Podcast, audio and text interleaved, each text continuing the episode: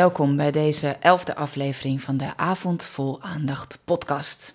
De podcast over tantra in je relatie en in je leven. En in deze episode ga je, wat mij betreft, niet alleen maar luisteren.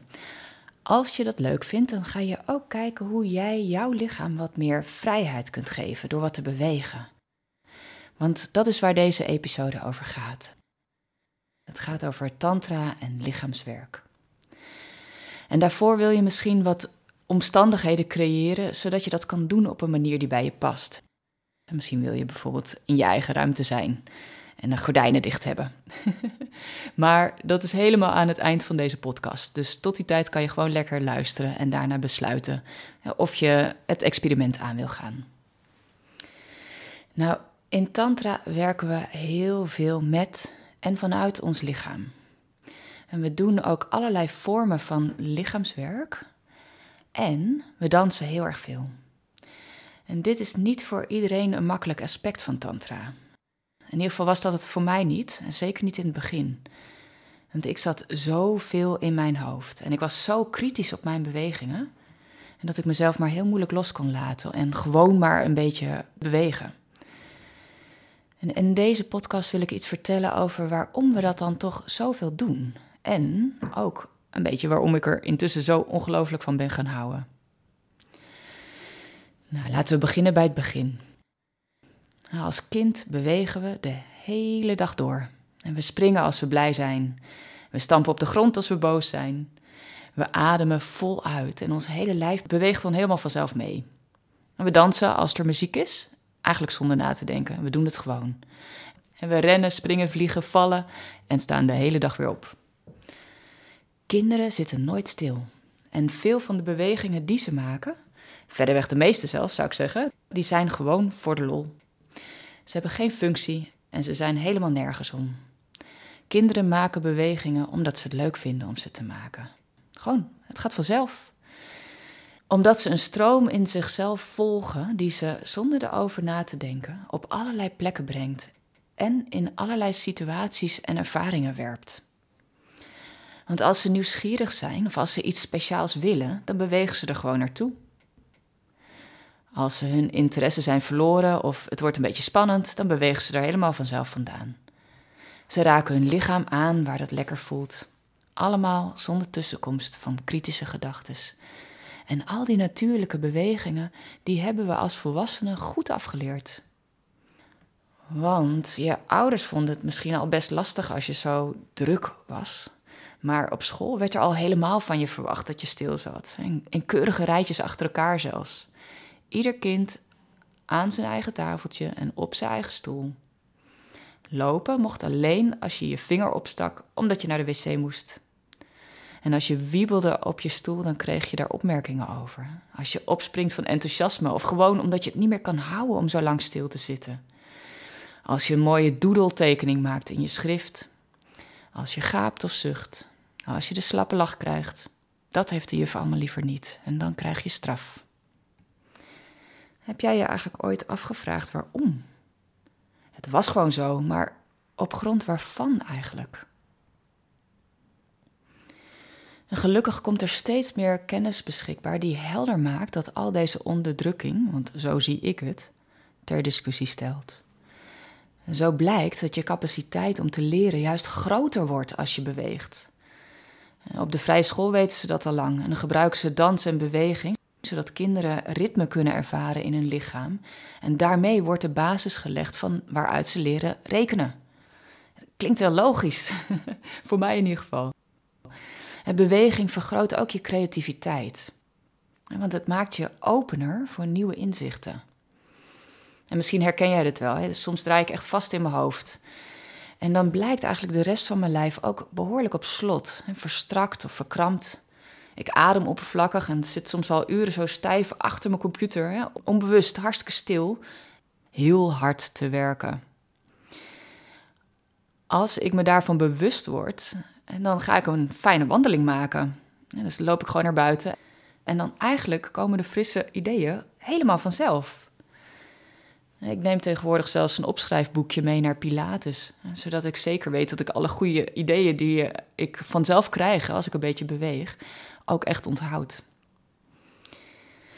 we zijn ons lichaam gaan beschouwen als een soort machine. Alles wat we doen heeft nut of een functie. Als we onze arm bewegen, is dat omdat we onze vork vasthouden en eten naar onze mond willen brengen. Als we sporten, doen we dat omdat het gezond is en we dan langer mee zullen gaan. En zelfs seks, waarvan we de mogelijkheid om ons voor te planten zelden benutten, is super functioneel geworden. En druk jij een beetje hier, geef je me daar een lik, aai ik jou daar, komen we allebei een beetje klaar en is iedereen ongeveer gelukkig. Het is een soort uitruil van bewegingen soms. Efficiënt, maar niet echt intiem.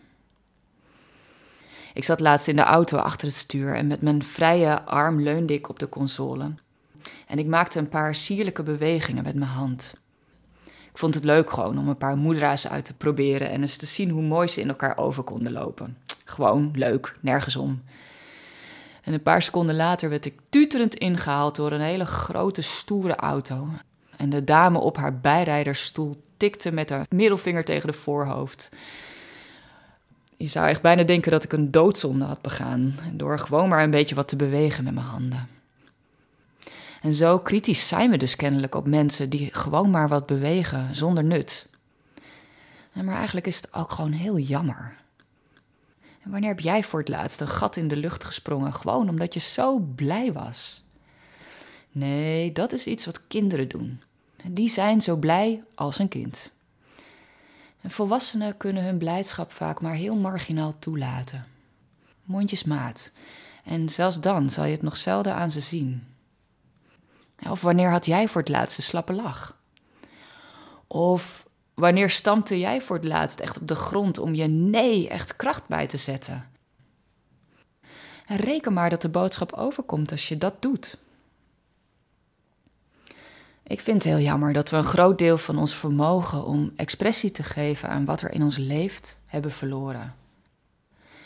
Ik denk ook dat het maakt dat we alles een beetje oppervlakkiger ervaren. En dat we soms ook niet helemaal voluit kunnen voelen dat we leven. Ach, en jongens, misschien wist jij het al lang hoor, want je kan het namelijk gewoon direct voelen in je lijf. Maar gelukkig na jaren en jaren van wetenschappelijk onderzoek blijkt gapen toch een functie te hebben. Je wordt er wakkerder van en aanweziger. Als je gaapt, is dat niet een teken dat je bent afgehaakt, maar juist van je betrokkenheid. En je wil erbij blijven. Maar door die oppervlakkige ademhaling, die we eigenlijk allemaal hebben aangeleerd, zijn we eigenlijk alsmaar een soort van opsterven na dood. En zo heb je maar heel weinig energie tot je beschikking om nieuwe informatie op te nemen. En thank God dat je lijf het soms even van je overneemt en er eens lekkere frisse wind door je lijf laat waaien. En door gewoon te gapen. Als je tenminste mag gapen van jezelf. En want meestal voelen we vooral ons eigen ongemak en de gêne erover, in plaats van die opluchtende werking ervan. We onderdrukken onze gaap vaak ergens halverwege. En dan kijken we nog steeds spichtig om ons heen. Heeft iemand ons gezien? Denken ze nu dat ik niet geïnteresseerd ben? Of dat ik moe ben of lui? Ah, jongens. Nou, ook zuchten. dat is ook een natuurlijke beweging van je lijf. En die helpt je om opgebouwde spanning een beetje te ontladen. Een tante van Jeroen die zei altijd aan het eind van de werkdag, als ze zichzelf thuis in de luie stoel liet ploffen, dan zei ze: Hé, hé, ik zit. En daar werd ze een beetje onbelachelijk gemaakt, maar ik zou wel willen dat we dit allemaal deden. Nou, een hijgen, dat mag echt helemaal niet. ik zag laatst een hardloper stilstaan voor het rode stoplicht. Hij had een knalrode kop, gutste van het zweet, maar hield zijn lippen stijf op elkaar en ademde via zijn neus. Echt niet dat hij zich zou laten kennen. En we durven bijna niet meer hoorbaar te ademen. Bang dat we daarmee seksuele associaties in iemand zullen oproepen. Want niemand wil een heiger zijn, toch? Of we zijn bang dat iemand onze adem ruikt, ook een soort doodzonde tegenwoordig. Maar kinderen ademen eigenlijk heel vanzelfsprekend heel regelmatig door hun mond. Maar als ze dan vervolgens met open mond ergens naar zitten te kijken, dan uh, geeft papa of mama ze een corrigerend duwtje tegen de kin. Oei. Nou zijn er twee hele specifieke manieren om je lichaam te gebruiken die ons ongelooflijk veel plezier geven, al duizenden jaren lang. En dat is zingen en dansen. En door te zingen of te dansen geef je expressie aan iets wat zich kennelijk graag wil uitdrukken in de wereld. Als je een tijdje hebt gedanst of gezongen, dan voelt je lijf zich vaak echt heerlijk. Losjes, vrij, open, stromend. Maar jongens, wat hebben we dat toch strak afgeleerd? Ik in elk geval wel. En ik begon op mijn vijftiende met gitaar spelen en dan durfde ik soms thuis ook wel eens bij te zingen. En ik heb één keer op mijn zestiende de fout gemaakt om ehm, ja te zeggen om te zingen op een festivalletje in mijn dorp. En dat was best vals, want dat was gewoon voor de eerst dat ik voor een microfoon zong. En daarna heb ik gewoon tien jaar lang niet meer durven zingen. Zo schaamde ik me. Maar weet je, als het gewoon mag, ja, als het gewoon oké is om te doen, als het ontvangen wordt, dan is zingen, dansen, springen, voluit ademen en gapen iets heel natuurlijks om te doen. En eigenlijk ook heerlijk, allemaal. Nou, dus waarom zijn we eigenlijk zo onderdrukkend geworden naar al die hele natuurlijke bewegingen? Dat zou je je kunnen afvragen. In ieder geval, ik vraag hem af. En ik, ik denk ook een antwoord te hebben.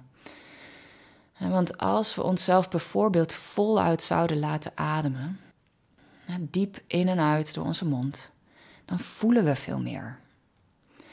En die extra zuurstof in je bloed, die maakt je lichamelijke sensaties veel beter voelbaar. Het gaat ook wat meer stromen in je. Je wordt wat wakkerder, levendiger. En probeer het maar eens gewoon nu. En neem maar eens een diepe zucht, of twee.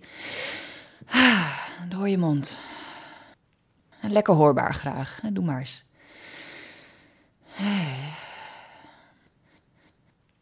Nou, als je dit een tijdje zou doen, dan ga je veel beter voelen waar je zin in hebt. En waar je enthousiast over bent. En je gaat ook je boosheid of je verdriet beter voelen als dat er is op dat moment. Je gaat bijvoorbeeld ook voelen waar je voor staat, waar je grenzen liggen. Kortom, je wordt een heel stuk vrijer. En dat is lastig voor ouders. Dat is lastig voor leerkrachten. Dat is ook lastig voor de buren. Het is eigenlijk lastig in onze hele maatschappij. We hebben liever mensen die keurig binnen de lijntjes kleuren. En die niet al te grote dromen of verlangens hebben. En die niet echt groots durven te experimenteren. En daarmee misschien ook fouten maken. En die niet echt durven te gaan staan voor hun grenzen of opkomen voor wat ze belangrijk vinden. Gek genoeg zeggen we allemaal wel dat we dit belangrijke waarden vinden, maar het is eigenlijk helemaal niet hoe we onze kinderen doorgaans opvoeden. Fouten maken wordt niet gewaardeerd. En hier heb ik ook een paar podcasts over gemaakt. Over ouderschap en hoe we onze kinderen kunnen begrenzen, maar ook vrij kunnen laten.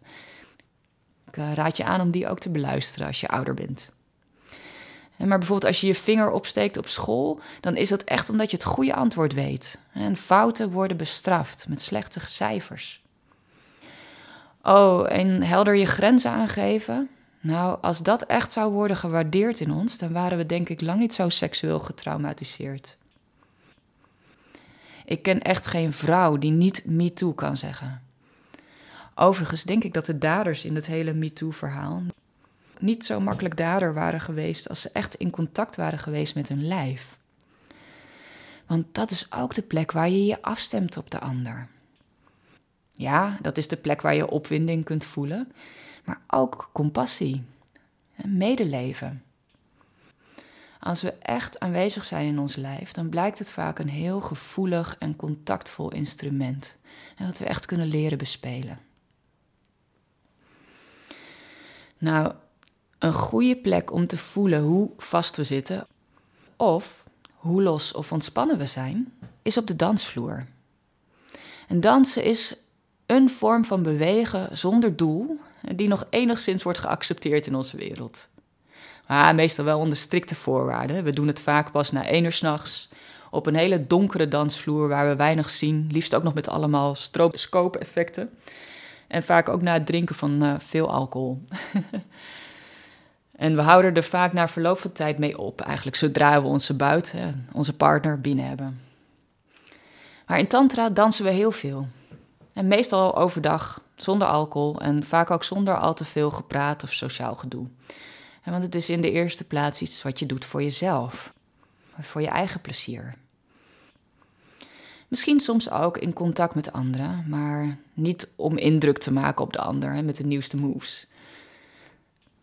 En toen ik voor het eerst een tantra-retraite ging doen, waren die danshalfuurtjes echt de moeilijkste momenten voor mij.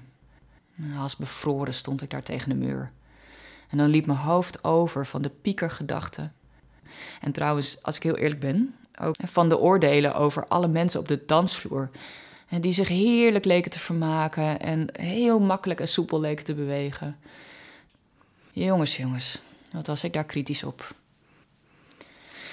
In de eerste plaats natuurlijk op mezelf. Want waarom kon ik niet gewoon dansen zoals zij? En stiekem was ik natuurlijk stikjaloers. Waarom bewoog ik niet ook gewoon? Oh, was ik echt zo stijf? Het antwoord was natuurlijk ja. ik zat in mijn hoofd en goed ook. En ik veroordeelde echt alles wat niet voldeed aan mijn intellectuele vereisten. Echt genadeloos. Dansen, zonde van je tijd, niet nuttig. En die vastzittende oordelen en kritische gedachten in mijn hoofd, die maakten ook mijn lijf stijf en vast. Bang om iets nieuws uit te proberen. Want straks deed ik het nog verkeerd. En dat alles maakte me echt letterlijk onbewegelijk.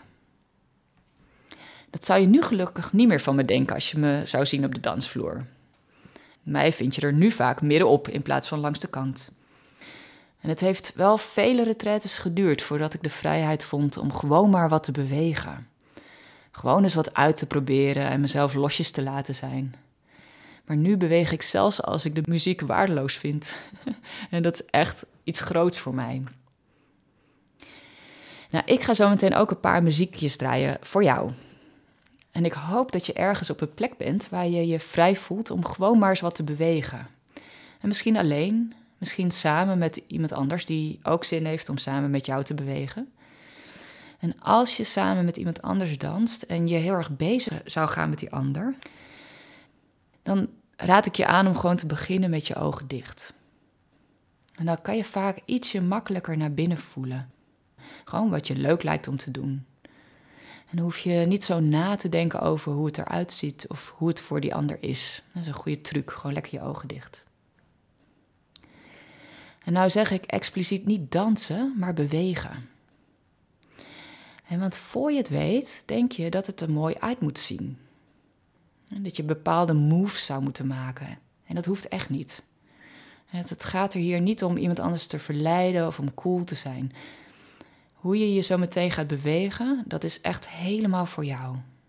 En voor jouw vrijheid. Voor jouw plezier. En ik wens je toe dat je gewoon wat mag spelen en experimenteren. Nou is dansen misschien helemaal je ding en ga je gewoon vanzelf. En misschien ben je, net als ik vroeger, heel kritisch. Op jezelf of op de muziek. Nou, dit is dan wat ik vervolgens doe. En doe maar gewoon lekker met me mee. Kom staan met je beide voeten stevig op de grond. Laat je je ogen dichtvallen. En voel eens wat je lijf graag zou willen doen nu. En wat zou een prettige beweging zijn voor je lijf? En misschien voelt het er ergens een beetje stijf of stram.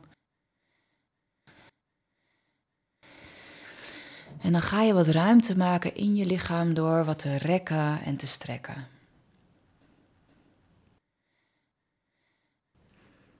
Niet als verbeterproject, om je lichaam leniger te maken bijvoorbeeld. Maar gewoon omdat je het lekker vindt.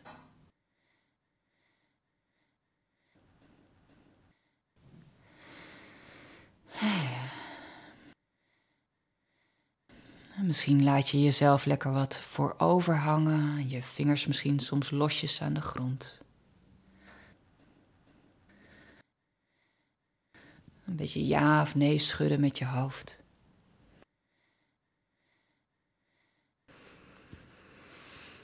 Misschien is het lekker om wat te rollen met je nek of je schouders.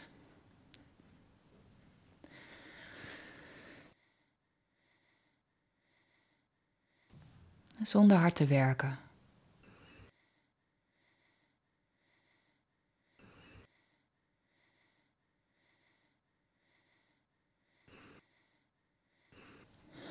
En uh, mocht je je evenwicht verliezen, dan hou je je gewoon vast aan de muur.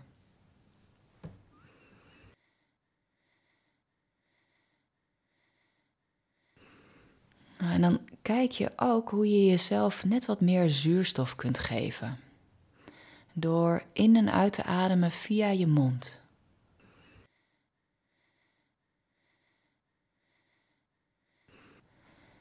En dat is echt wennen, want dat hebben we echt knijterhard afgeleerd.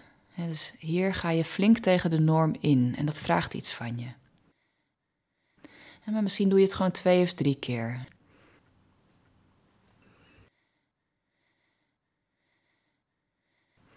En misschien ga je ook wat gapen of zuchten.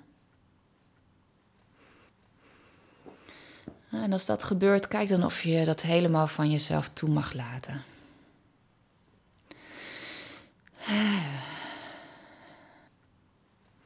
Ik daag je zelfs uit om zo nu en dan eens wat geluid te maken.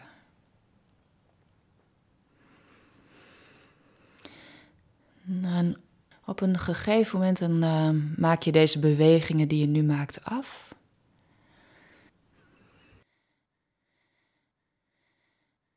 Nou, dan kom je opnieuw te staan. En dan voel je eens wat het effect is van zo bewegen in je lichaam.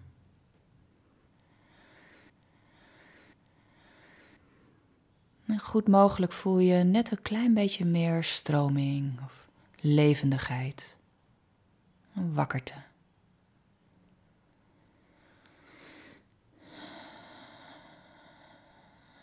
Je voeten staan nog steeds lekker ontspannen op de grond.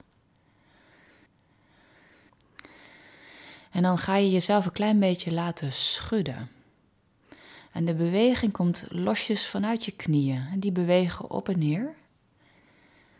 En de rest van je lijf die hobbelt er wat achteraan. En laat jezelf een beetje zoeken naar een prettige manier om te schudden. Een losse, fijne manier.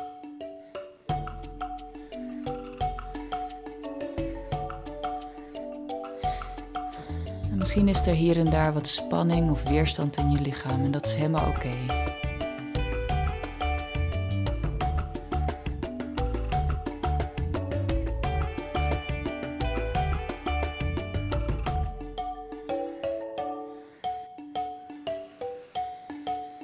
Nou ga ik zo meteen uh, deze podcast verder afronden en wat muziek voor je opzetten, een paar nummers. En misschien blijf je tijdens de muziek gewoon lekker doorschudden. En dat is heerlijk voor je lichaam, dus doe het vooral. Maar het zou ook kunnen dat je op een gegeven moment voelt dat er een ander soort beweging in je wil ontstaan. En dan volg je die. Ik wens je heel erg veel plezier.